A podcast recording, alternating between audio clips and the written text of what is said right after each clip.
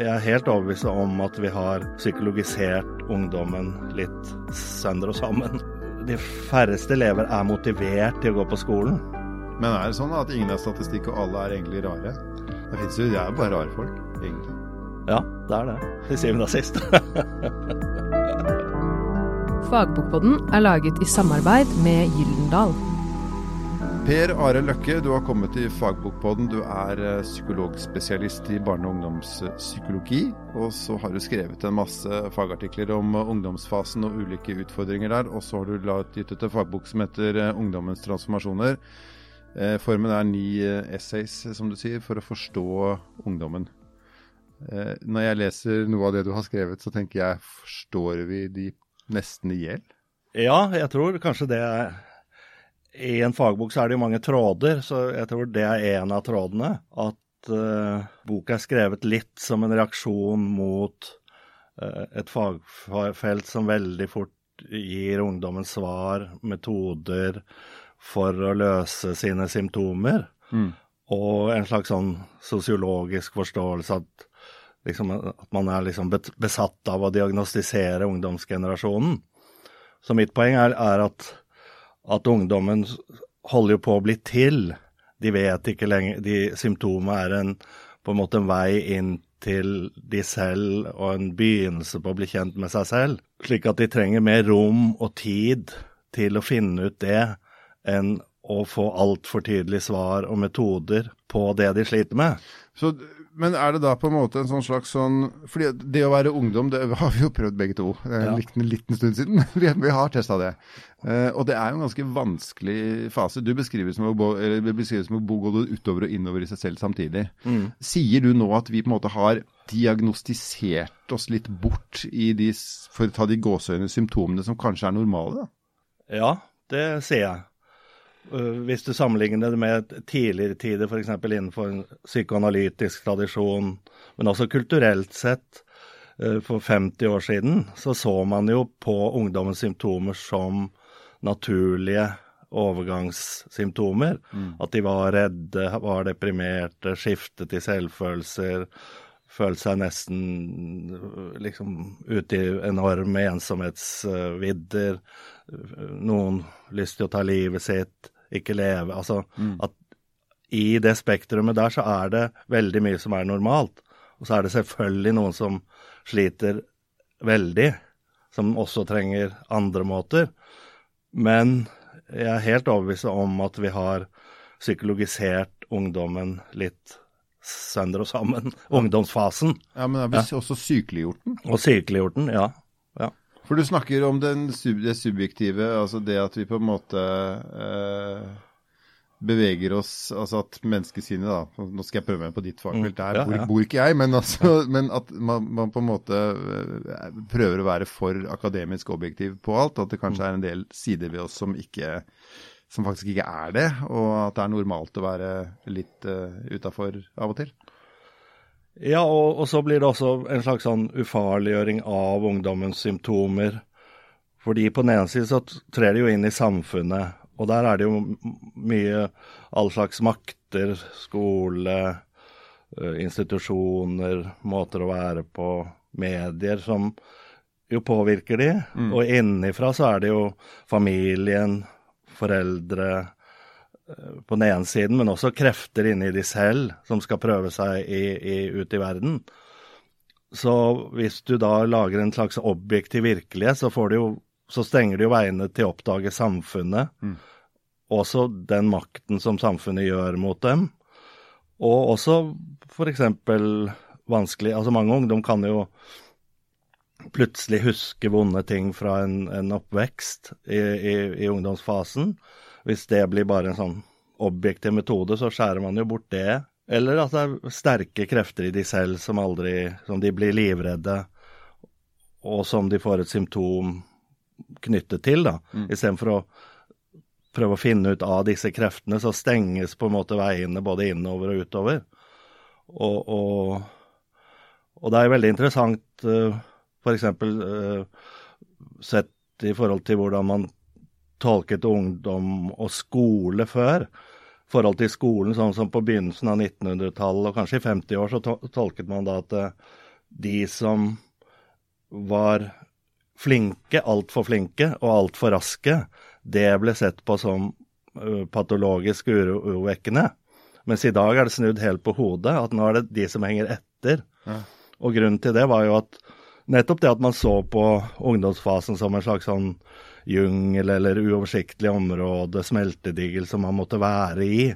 En slags biologisk prosess. Som det var skummelt å ikke ha vært i? Ja, for da, det, for da var det veldig livsviktige ting som skulle skje, og en prosess du skulle være i. Ja. Og, og liksom de som var flinke, de surfet bare over den og ble vok voksne altfor tidlig. Mm. Og da sa man da at da, da får man symptomer når man er 30 og oppdager at flinkhetens vei alle de tapene man mistet, da. Ja, ja. Så det er jo helt forandret, hele måten å tenke på også.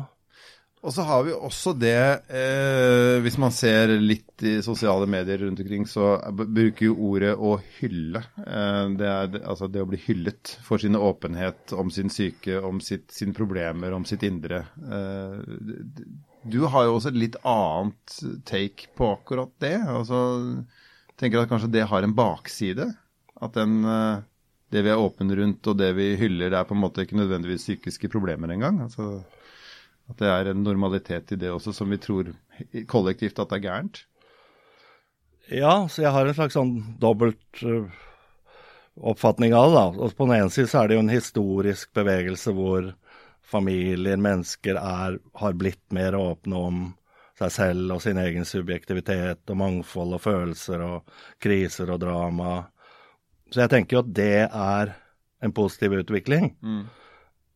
Men når ungdommen på en måte skal uh, oppfordres veldig til å stå frem, så blir de lett fanget i en slags sånn symptomtanke. En Symptomkonkurranse, Ja, det det? symptom, det kan du si.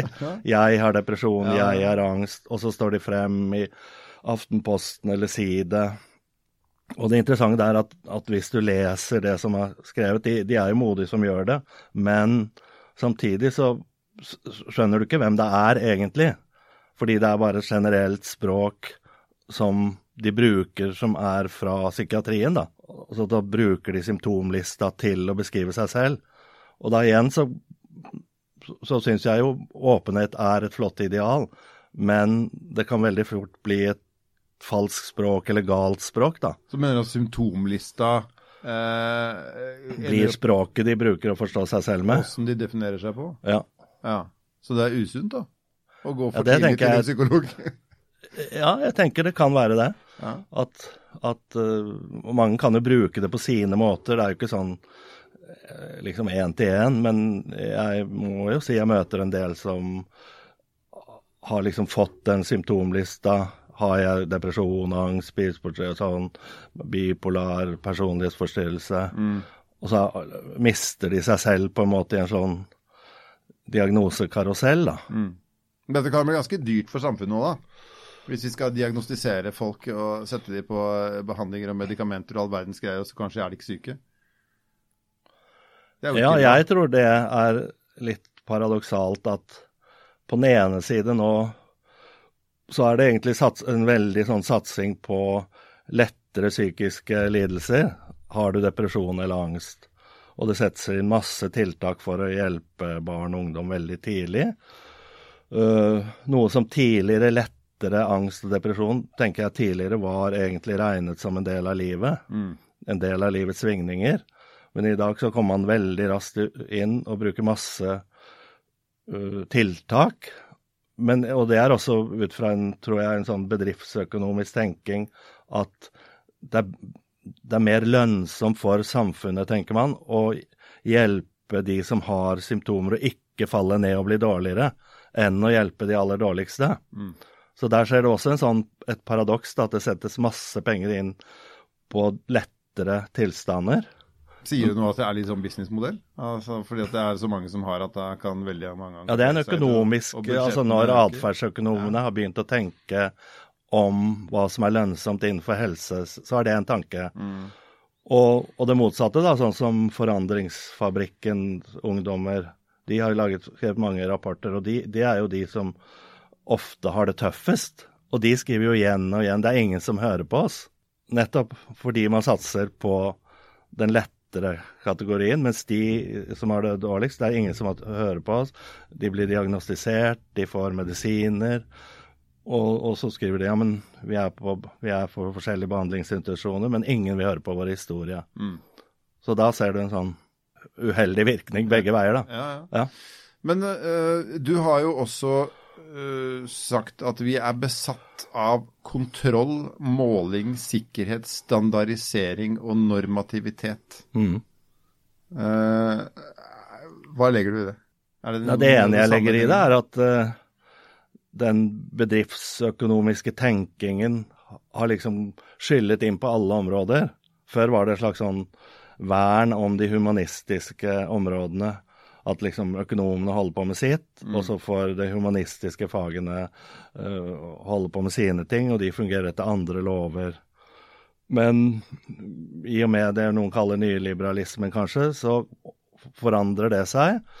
Og da kommer de økonomiske tankemåtene inn i de psykologiske områdene, f.eks. Mm. Og da blir det tall, altså at alt skal måles, av effektive behandlingsmetoder, effektive måter å gjøre det på. Og det er det ene. Og det andre er jo at at, eh, at liksom skoledagen også blir mye mer eh, på en måte oppstykket i liksom masse aktiviteter som elevene gjør. At på skolen så er det normative tallet får mer og mer betydning. Og det var interessant, eh, en, som, en større undersøkelse jeg leste her nå, som tok for seg de som gjør det aller best, de som får seksere og går videre til de mest beste studiene, hva er det som preger de? Det ene er en slags sånn instrumentell tenking at de skal få karakterer, de beste karakterer uansett, koste hva det koste vil. Så de liksom fanger opp hva læreren mener, hva læreren vil ha. Så det er ikke en slags sånn dannelsesideal om å liksom gleden ved kunnskap. Også at foreldrene gjør masse lekser, da. Men det du peker på der, Mm. det er jo øh, noe som lett kan bli en sånn selvforsterkende evolusjonsmessig eh, spiral. Fordi det vil jo være de som får sekserne, de som har de foreldrene som følger de veldig tett opp, og eh, aksepterer dette normative målemåten å gjøre alt på. Det vil også være de som vinner konkurransen og setter standarden for hvordan vi utvikler oss videre. Ja. Det tenker jeg er uheldig, da. Ja, ja, nei, det var det jeg fikk spørre. Altså, eh, hva må vi gjøre, tror du, for ikke miste på en måte de, de kreative, halvgærne folka som bare har lyst til å drikke en kopp te og sitte med beina på bordet og se ut av vinduet for en fine fugler der? Det er det jo ikke noe enkelt svar på, men jeg tenker hele skolesystemet er, er eh, ikke fungerer bra i dag. At, fordi det har gått inn i den måten ja, ja, og at f.eks. En, en, noen danske forskere som jeg har lest mye, som viser at, at de færreste elever er motivert til å gå på skolen. Det er, det er utrolig mye um... Altså, de gjør det av plikt, de gjør det fordi de må. Så hvorfor, hvorfor all den umotivasjonen? Ja, vi har jo et frafall på videregående skole som er ekstremt høyt. Ja, ja. Og at f.eks. psykologistudiet, når jeg ble psykolog, så hadde jeg hadde 3,5 i snitt. Men jeg kunne bli psykolog fordi det var en annen ordning. Så det er noe med Samfunnet er bare lagt opp til at de som jobber livskiten av seg i på videregående, eller det begynner ofte i tiende. I systemet. Ja. I, ja, det begynner i tiende, og så er det liksom mange som har kriser der for å liksom er allerede utslitt, og så er det tre nye år. Mm. Så jeg snakker jo med mange som er utrolig utslitte allerede da. Mm. Så, så etter min oppfatning så er dette et uheldig system. Også en annen ting, da, at, det, at liksom da ser du Apropos tall og normativitet, når du snakker med mange av de som allerede er utslitte og som jo, skal jobbe videre, så har de en sånn mentalitet at det å slappe av, det å hvile, det er uproduktivt. Da, da føler de seg verdiløse, da er de null verdt. Så alle de gamle humanistiske rommene blir på en måte borte også i ungdommens mentalitet. De som bare rusher fremover. Vi kan risikere å få da en nyutdannet uh, samlivsterapeut med toppkarakterer som aldri har tid til å ha en kjæreste. Ja. Ja. Det er et paradoks. Det er mange risikoer. Ja, så vil noen si at ja, men det er ikke noen kvalifikasjon akademisk sett å ha hatt kjæreste. Ja. Men det er kanskje det hvis du skal være samlivsterapeut. Ja. Bare ta et eksempel. Ja, ja. Ja. En form for erfaringsløshet. Mm. Så jeg tror jo det at, at ja, eksempel Jeg snakker med mange ungdom som har opplevd veldig tøffe ting. Mm. Altså i familien og oppveksten og Altså objektivt tøff, tøffe ting? Ikke? Ja, ja. ja liksom vold, overgrep, omsorgssvikt, alle former. Altså den kunnskapen og visdommen mange av de har, hvis ikke de har liksom utagert seg bort, så er det jo en enorm klokskap og menneskekunnskap og tenking om liv og tenking om hva meningen er, og, og livskunnskap som de har arbeidet seg opp til, som, som du ikke finner da de som raser fremover. Men vi setter jo dette i system på en måte litt sånn, litt sånn senere i, tenkningen vår, hvor vi bruker liksom tidligere rusmisbrukere som et element i den type behandling, og tidligere innsatte osv. Så, videre. så vi, vi er jo egentlig kjent med, med, med metoden og, og verdien der, men det virker som vi på en måte ikke har noen nese for den tidligere i folks livsløp. Nei, i skolen så har erfaringskompetanse svært liten verdi. Ja. Er det, Det- rart? Ja, jeg tenker at det, at det er enormt mye potensialer for å utvikle andre læremåter og andre måter å få kunnskap på hvis man tar i bruk det området. Mm. De unge som har opplevd vanskelige ting, de stiller jo helt andre spørsmål. De har helt andre tanker. De har, de har liksom dype etiske problemstillinger knyttet til hva Ja, mening, vold, krenkelser. Så de ser jo mye mer, og, og også engasjerer seg mer. Så, så hvis de rommene er stengt, de subjektive rommene, så blir jo også etiske rom borte, kunnskapsrom borte. Det, ja. Ja, altså den interne det- drøftingen av dette. Altså Mm. hvorfor er jeg som jeg er, hvorfor jeg gjorde som jeg gjorde, hvorfor Ja, ikke ja, sant? Istedenfor bare å få den pilla og slappe av litt. ja. Eh, en ting som jeg tenker på, fordi dette her er jo jeg, jeg, jeg noterte bare sånn akademisk ukultur. sånn at liksom vi blir så opptatt av alt det som objektivt sett kan måles og veies og, og settes i systemer, at vi, vi, vi på en måte blir sånn, og så mister vi noe på veien der.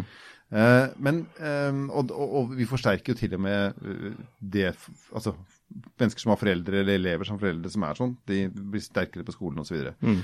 Er det noen rollemodeller, noen forbildetyper vi mangler? Jo, men Det er noe av det paradokset. da. Jeg er sikker på at jeg har sett liksom, bøker som har sammenlignet hvem gjør det bra. Altså hvem er kreative? Hvem finner opp nye oppfinnelser? Hvem er kunstnere? Hvem er Hvem er aller rikest? Hvem, hvem lager eh, spennende ting? Det er jo ofte unge Eller det er jo ofte voksne som i sin oppvekst har hatt det vanskelig. Mm. Så det er et eller annet sånn paradoks at, at liksom alle foreldre vil bare at barna pakker barna sine inn, og du skal ikke oppleve smertefulle ting, og det skal skjøves bort. Samtidig så er jo møtet med den psykiske smerten er jo en av livets Altså det er helt uunngåelig. Og samtidig så vil, vil foreldre ha det bort. Samtidig så vil de at unge, unge, sine barn skal bli kreative og, og fremgangsrike. Så det er et eller annet stort paradoks der, da. Du har også eh, bruker et uttrykk som epidemisk selvhat. Det er heftig om dagens ungdom. Hva legger du i det? Det ene jeg tenker er at vi har jo fått en veldig sånn snill kultur. Jeg tenkte jeg vokste selv opp på en, eh, en eh, restaurant som foreldrene mine drev. Og, og så jeg vokste opp med veldig ville og gale ungdom, og så det, erfarte det som barn, da. Og en av de tingene jeg husker, er jo på 70, ja, spesielt 70-tallet, hvor enormt mye aggresjon det var. At, at uh, Som Det du nesten ikke slåssing, ja. ja, slåssing uh, og enormt sånn Du kunne se liksom noen spesielt eh, unge gutter som det bare gnistret av svart hat, som var veldig skremmende, da. Så det ene jeg tenker, det ser du nesten ikke lenger. Men riktignok begynner liksom gjenger å vokse frem i bydeler og sånn, så, så, men liksom den der voldsomme raseriet. Så jeg tenker vi har utviklet oss mot en mer sånn snillere kultur hvor, hvor, hvor raseri og sånne uttrykk Mm. er blitt veldig Spesielt i skolen nå, at det, at det er liksom veldig liten toleranse for det.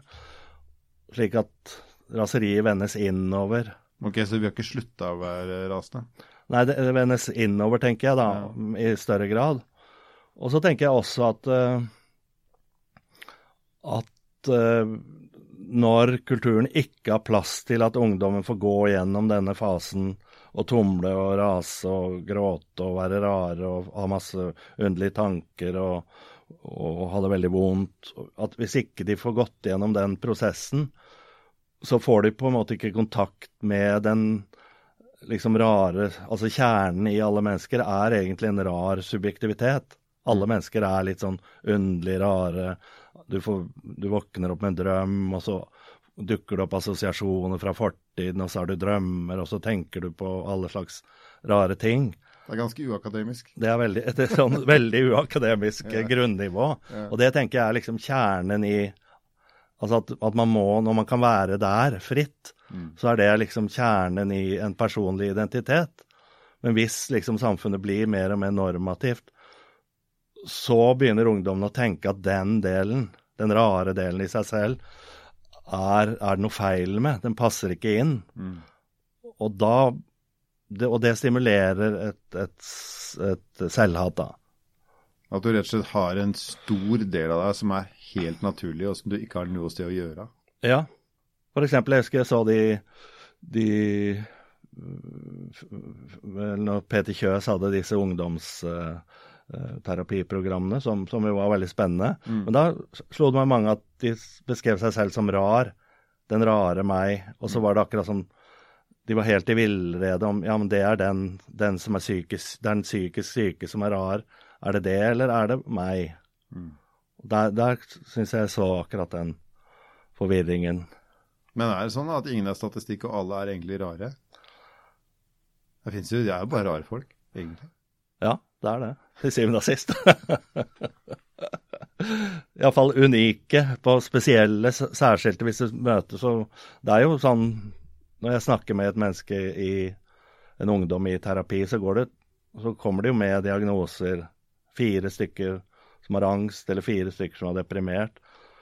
Når du snakker med de, altså i, i løpet av to timer, så er den, deres verden er så forskjellig at det er helt umulig å sammenligne med noen andre lenger. Mm. Og det er den rare Altså at de har helt, helt egen oppvekst, helt egne ord og uttrykk, helt egne fantasier, altså osv. osv. Så vi må akseptere da at vi, er, at vi er rare, og at statistikken bare er et snitt som ingen, ingen egentlig passer i. Ja, og det er litt det som jeg er opptatt av, da. At, at vi liker å se, si at vår kultur er in, at vi er en individualistisk kultur. Og på et eller annet vis så er jo nettopp utviklingen og tillatelsen av det at vi alle er unike, rare, sammensatte, det er på en måte videreutviklingen av individualismen. At vi endelig skulle komme dit, da. Og tolerere hverandre som vi er i alle våre forskjeller og mangfolder og, og bevegelser. Mm. Og at, og at bånd mellom mennesker er bånd mellom rare mennesker. Mm. Og, og mens i dag ser det ut som det at vi beveger oss bort fra en individualistisk kultur gjennom mer mot sånn program og normativitet og standardisering og Så det vi tror vi driver med, er ikke det vi driver med. Ja, I forhold til individualisme, så tenker jeg det. Og at det også også da, igjen at man har tenkt at individualisme er prestasjon. Mm. Men, men det er jo sånn prestasjonsjag. Men jeg tenker at jeg tenker individualisme er mer det som vi snakker om, den rare personlige delen. Det er liksom grunnlaget for identiteten. Det er der man har et feste, hvis man godtar den som man godtar seg selv som man er, i alt sitt mangfold. Og så kom prestasjonen oppå der. Mm. Men hvis man bare er prestasjon, alt, helens verdi og, og, og mening og, og står og faller på prestasjonen, og man ikke har feste i en personlig identitet, da faller man jo ned i et sånt tomrom. Så det er mer en sånn tenking hva er det grunnleggende i oss? Det er den personlige, rare, subjektive identiteten. Og den ikke så, har ikke så gode kår i dagens samfunn. Du hørte Fagbokpodden, som er laget i samarbeid med Gyldendal.